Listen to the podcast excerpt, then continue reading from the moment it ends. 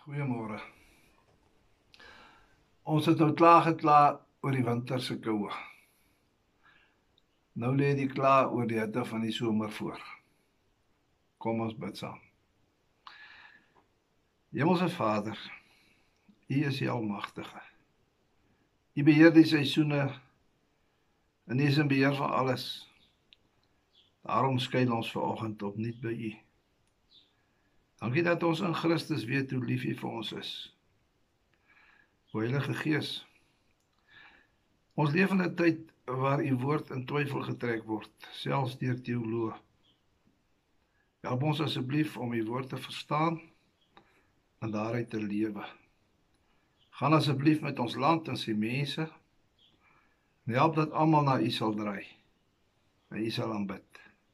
Ons vra dit in die naam van Jesus Christus, die Here. Amen.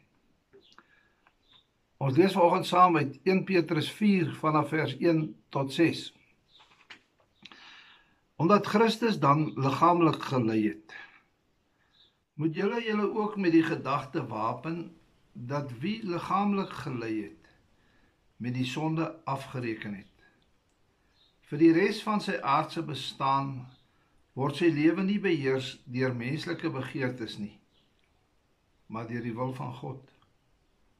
In die verlede, toe julle nog heidene was, is julle lewe lank genoeg beheers deur heidense begeertes. Losbandigheid, welis, dronkenskap, swelg en drinkpartye en afskuwelike afgoderry. Nou van die heidene dit vreemd dat julle nie langer met hierdie stroom van losbandigheid saamgaan nie en hulle beswadder julle. Hulle sal rekenskap moet gee aan hom wat klaar staan om oor die lewendes en die dooies te oordeel. Daarom is die evangelie immers ook verkondig aan die wat nou dood is sodat hoewel hulle as mense onder die oordeel was om na die liggaam te sterwe hulle na die gees sou lewe soos God lewe. Ons weet almal Jesus het vir sy disippels die opdrag gegee om die evangelie aan al die nasies te gaan verkondig. En die opdrag sluit vir jou en vir my in. En hierdie uitdra van die evangelie is meer as net woorde. Dit gaan ook oor die lewe wat ons as gelowiges lewe as 'n voorbeeld vir ander. Hoekom is dit vandag nog nodig? Dit dit is dit is omdat party vergeet het Jesus Christus is die Here. Party het sommer net weggedwaal en party het moedeloos geword. Dit is nodig om hulle te herinner Jesus Christus is nog steeds die Here. Jesus het in die Bybel toe hy gesê het ons moet die evangelie gaan verkondig, gesê dit gaan nie maklik wees nie. Matteus 24 vers 9 sê hy Die mense sal julle oorlewer om mishandel te word. En hulle sal julle doodmaak. Julle sal deur al die nasies gehaat word omdat julle my naam bely. Party sal bly wees om die evangelie te hoor. Ander gaan julle haat. Een dis een van die voorbeelde wat Jesus gebruik het om te verduidelik dat dit nie maklik gaan wees om as 'n gelowige sy opdragte uit te voer nie. En dis ook hoekom 1 Petrus 4 vir ons baie belangrik is. Ek dink die gedeelte help 'n mens om die swaar kry wat gelowiges hier ervaar te kan hanteer. In die gedeelte is daar vyf gedagtes wat ons juis in hierdie proses help. Help om eerder swaar te kry vir die evangelie as om eerder stil te bly. Die Christus Christus het swaar gekry vir evangelie. Hoekom dan nie ook ons nie? Dis vers 1. Die lyding wat Jesus ervaar het, het nie toevallig oor sy pad gekom nie. Hy het gekies om op daardie pad te loop. In Johannes 10 vers 18 sê Jesus oor sy lewe. Niemand neem dit van my af nie. Maar ek lê dit uit my eie af. Jesus Christus is ons Here. Hy het aan die kruis gelê en die straf van God in ons plek verduur oor die sonde sodat ons syne kan wees. Dink daaroor. Hoekom sal 'n mens as Christus vir jou gelei het om jou God se kind te maak, nie bereid wees om ook ter wille van hom te lei nie. Dit beteken nie noodwendig dat elkeen van ons aan 'n kruis vasgespijker gaan word nie. Dit kan wel wees dat jy belaster of gelaster kan word omdat jy die woord van God verkondig. Dit kan wees dat mense die woord van God sal minag teen jou verkondiging in. Dit kan wees dat jy sal opstaan vir reg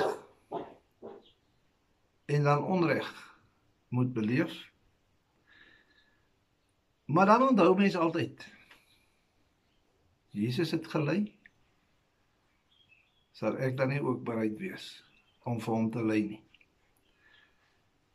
Die tweede gedagte kry ons in die laaste deel van vers 1. Julle moet julle ook met die gedagte wapen dat wie liggaamlik gelei het met die sonde afgereken het. Dis 'n interessante stelling.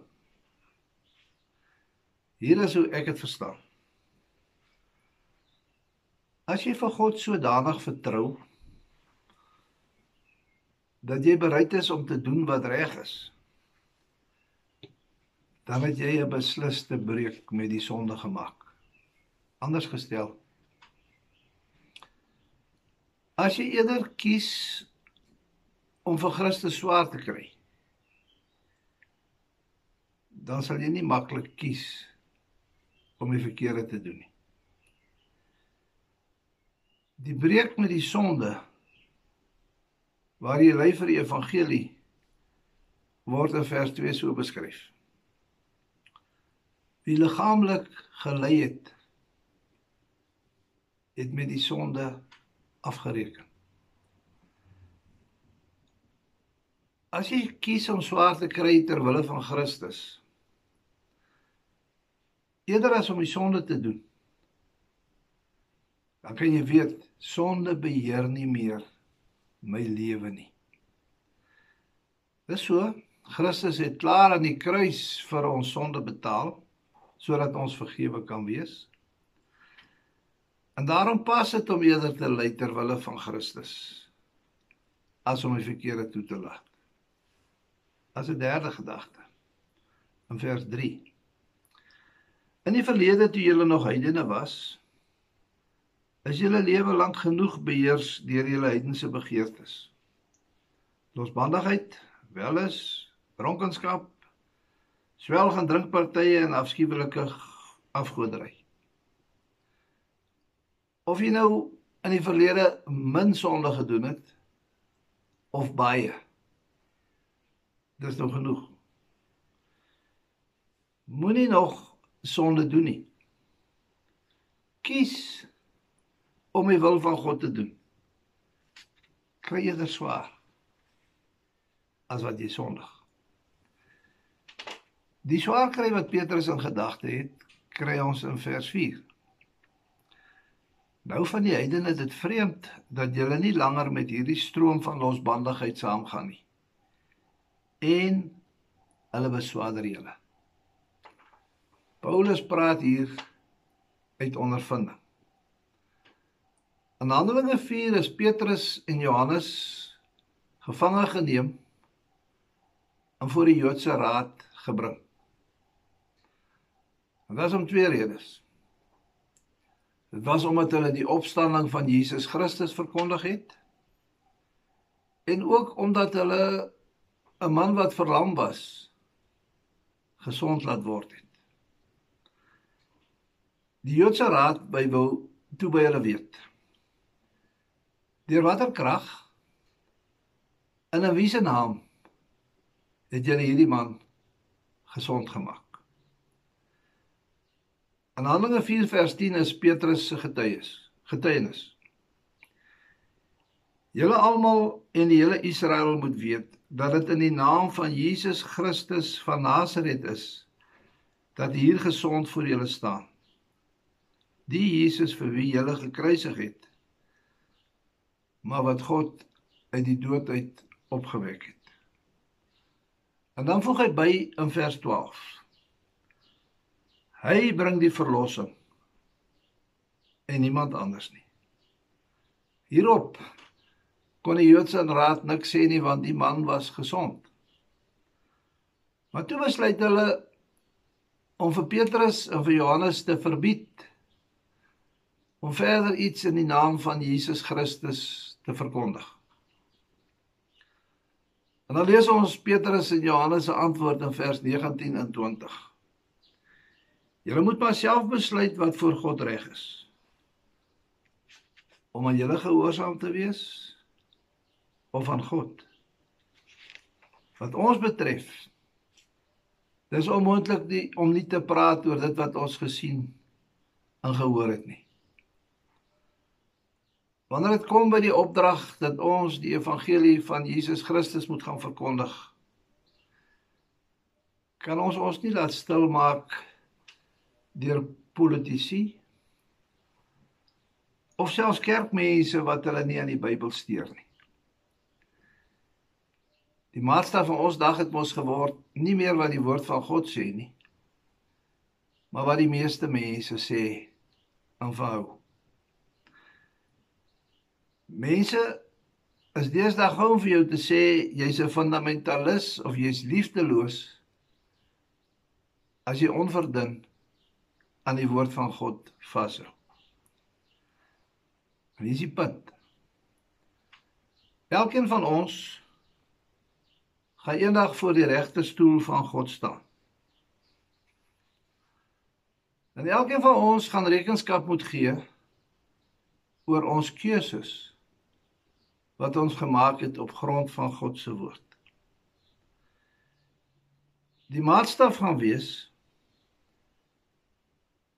Wat het die woord van God jou geleer? Ek vra altyd vir die kinders om hierdie punte verduidelik om 'n gesiggie op hulle vinger te teken. En dan sê ek vir hulle, sien daai gesiggie? Dis jy. En eendag gaan jy so op jou eie voor God staan en gaan jy rekenskap gee oor jou keuses en besluite vir God. En dan gaan jy nie kan sê ja, maar die ander het gesê nie. Die vraag gaan wees wat het jy besluit? En wat het jy gedoen? Jy gaan verantwoordelik wees vir jou eie keuse. Iemand anders kan nie vir my kies nie. Kan nie vir my kies as dit kom by die keuse om vir Jesus Christus as my verlosser aan te neem nie. Iemand anders kan nie vir my besluit hoe gaan ek omgaan met God se woord nie. Ek gaan self vir my keuse verantwoording doen. So sal dit dan gebeur dat mense teen ons kan laster en ons beswadder oor ons keuse. En hulle kan ons bespot. Maar elkeen gaan eendag voor God op sy eie rekenskap gee. Vierde gedagte. Ek hoef my nie op mense te wreek as hulle met my verskil nie. Ek kan maar net vir mense vertel van die keuse wat hulle het om vir Jesus Christus as hulle verlosser aan te neem. Maar ek kan ook vir hulle vertel dat elkeen van ons voor God sal rekenskap gee oor ons keuse. Oor wat ons gemaak het met sy woord. En as ons dink gelukkig sal ek doodgaan en die oordeel vryspring, dan herinner vers 5 God oordeel oorlewendes en dooies. 'n Mens kan maar ly ter wille van Christus. En jy kan maar die geregtigheid en die oordeel aan God oorlaat. Die laaste gedagte is ons sal oor die dood triomfeer. Vers 6 Daarom is die evangelie immers ook verkondig aan die wat nou dood is, sodat hoewel hulle as mense onder die oordeel was om na die liggaam te sterwe, hulle na die gees sou lewe soos God lewe. Hoe moet ons dit verstaan? Die evangelie is aan die mense verkondig wat nou dood is terwyl hulle gelewe het. Sodat hulle vir Jesus Christus kon aanneem en na hulle dood hier by God kon gaan lewe. Ons moenie mense oorslaan in hierdie lewe nie. Want hier is die enigste kans wat jy het om Jesus Christus aan te neem as jou verlosser. Amen. Hemelse Vader, ons wil graag net vir U lewe en U eer met ons lewe. Heilige Gees, help ons dat ons U woord altyd reg sal verstaan. En dat dit altyd ons maatstaf sal wees in ons keuses, al die etiese kwessies wat oor ons pad kom. Help ons om nie terug te deins vir die belediging van mense omdat ons vir u lewe nie. Ons vra dit in die naam van Jesus Christus die Here. Amen. Jy moet 'n mooi dag hê.